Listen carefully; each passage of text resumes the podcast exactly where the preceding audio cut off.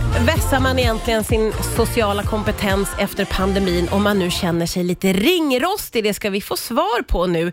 Jag säger välkommen hit till retorik och samtalsexperten Serena Mondevienne. Tack. Du, eh, det, för min egen del så känns det på riktigt som att jag har blivit lite ringrostig och kanske tappat vissa av mina sociala skills under den här pandemin. Eh, är det så för oss? Har vi tappat lite av det vi hade innan? Jag tycker nästan alla säger precis just det. Ja. Dels att man säger, gud hur gjorde man? Va, vad pratar man om? Eh, tajmingen sitter inte i skämten. Det blir så konstiga, men det blir så lite stelt som kanske inte blev förut. Och Jättemånga säger också att eh, man blir så himla mycket snabbare så här, samtalstrött Ja, ja, ja. jämfört med förut. Ja.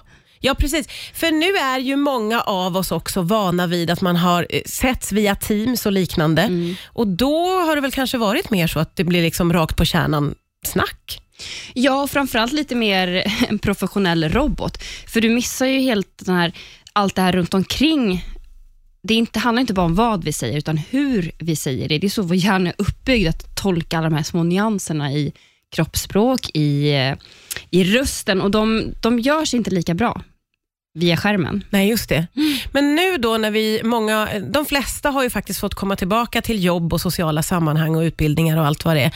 Vad, vad är det man ska tänka på då, tycker du, när man nu vill försöka plocka upp sin sociala förmåga lite igen?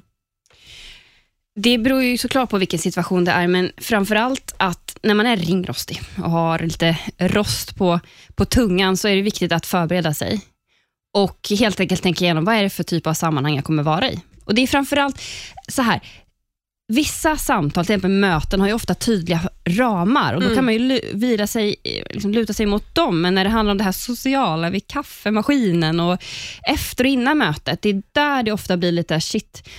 Och Då tänker jag, men, vad, vad vill jag verkligen veta om mina kollegor eller mina vänner på middag? Ja, För det är, när vi hittar den här äkta nyfikenheten, då brukar samtalen komma ganska autom- då brukar det bli rätt fin dynamik. Ja, Men när vi bara hamnar i ett samtal och sitter där och börjar tänka för mycket och inte har det här svar på tal eller just ja, det här kan jag fråga. Det är då det kan bli lite shit, hur gjorde man nu igen? Så på riktigt eh, då så menar du att man kanske ska sätta sig ner hemma på kammaren och kanske skriva ner eller på något sätt vara lite förberedd då på just de här sociala mötena? Ja, då kommer de bli så mycket roligare och smidigare och framförallt också kan, kan man förbereda, men vad vill jag prata om? Ja, med de här människorna. Det Ja. handlar inte om bara om vad man vill höra, utan också vad man vill berätta. Ja. Vissa av oss är ju monologmonster som jag. Jag har inte svårt att komma på någonting att prata, så jag måste helt enkelt förbereda någonting att fråga efter. ja, Men det kan ju vara att man är tvärtom, att man är lite av en eh, tystnadsterrorist och då behöver man helt enkelt tänka på vad är det jag faktiskt kan tänka mig att fråga efter. Då har vi ju fått med oss att man ska försöka förbereda sig, kanske tänka igenom vad man vill prata om, kanske till och med skriva ner hemma så att man är lite förberedd. Och nu pratar vi verkligen om de här tillfällena när man går till och från ett möte eller möts vid kaffemaskinen. De här inte så uppstyrda tillfällena. Du menar ju också, Sirena, att det är viktigt att få till dynamiken i samtalet. Va, vad menar du med det? Ja, men de som vi uppfattar har väldigt hög social kompetens, de är oftast bra på att se till att båda hamnar i vad jag kallar för rampljuset. Så att jag kan prata, men det kan fokusera på dig.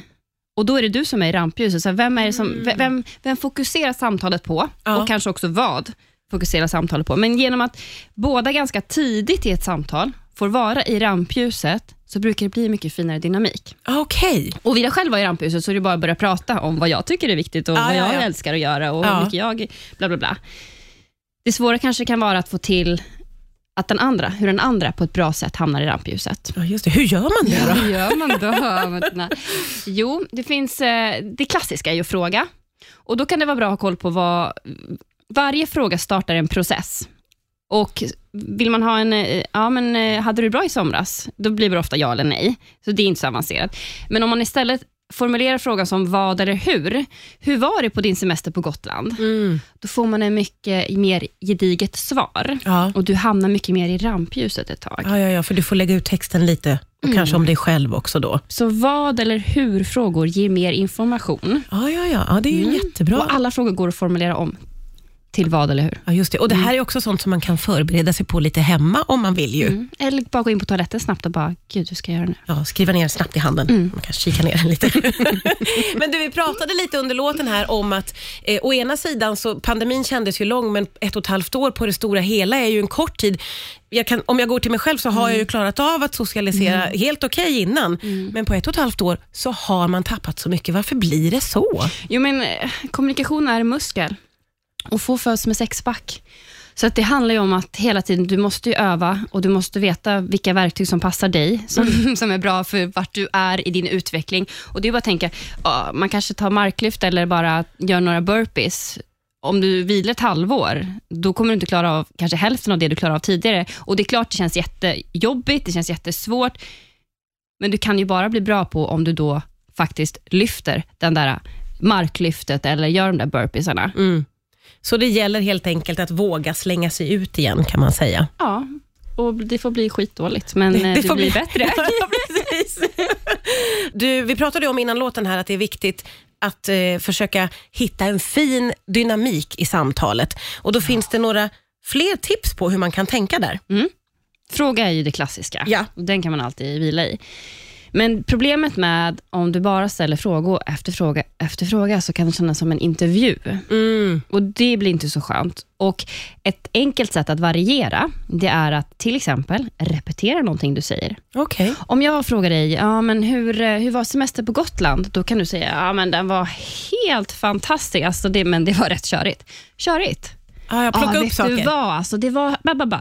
Och bara genom att repetera det viktigaste, eller ofta det sista ordet, då får jag mer information utan att jag faktiskt ber om det. Ja, ja, ja, okej. Mm. Så det gäller också att vara en god lyssnare? Ja, I det är ju obligatoriskt i ett fint samtal. Ja, ja, precis. Är det något annat man bör tänka på för att få liksom, plocka upp en bra känsla? Ja, ofta så kan man ju se på någon hur de känner inför det de pratar om. Och Ett subtilt sätt att börja prata om känslor utan att faktiskt säga att eh, man pratar om känslor, det är att använda vad vi kallar för observation. Jaha. Eller vad som kallas för observation. Och eh, Det brukar låta, till exempel, det låter som att du hade det riktigt bra.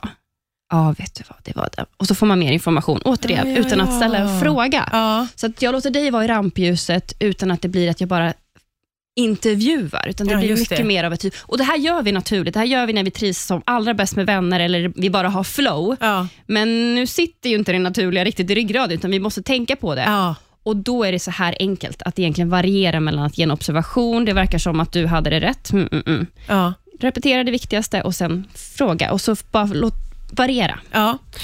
Eh, om vi ska titta tillbaka på hur vi svenskar var eh, på kallprat innan pandemin, vad skulle du ge oss för betyg då? Mm, typ en trea kanske. Vilken skala är vi på? En tio. Nej, oj, vi är Ja, det var väl bra, fruktansvärt dåliga på Ja, kallprat. jättedåliga, Så pandemin var inte, kom inte lägligt ur kallpratssynpunkt för svenskarna? Nej, det var inte vad vi behövde. Eh, Men det var lite som du pratade om nyss, att kanske blir det här något väldigt positivt, att vi faktiskt inser att, eller vi måste helt enkelt analysera, vad är det vi gör som fungerar? Hur vill jag kommunicera? När tycker jag att vi har ett fint flow? Och då blir vi medvetna och kan då också bli mycket bättre och framförallt på dåliga dagar, om vi då vet vad det är vi faktiskt vill göra och hur man gör det, då kan vi alltid göra det.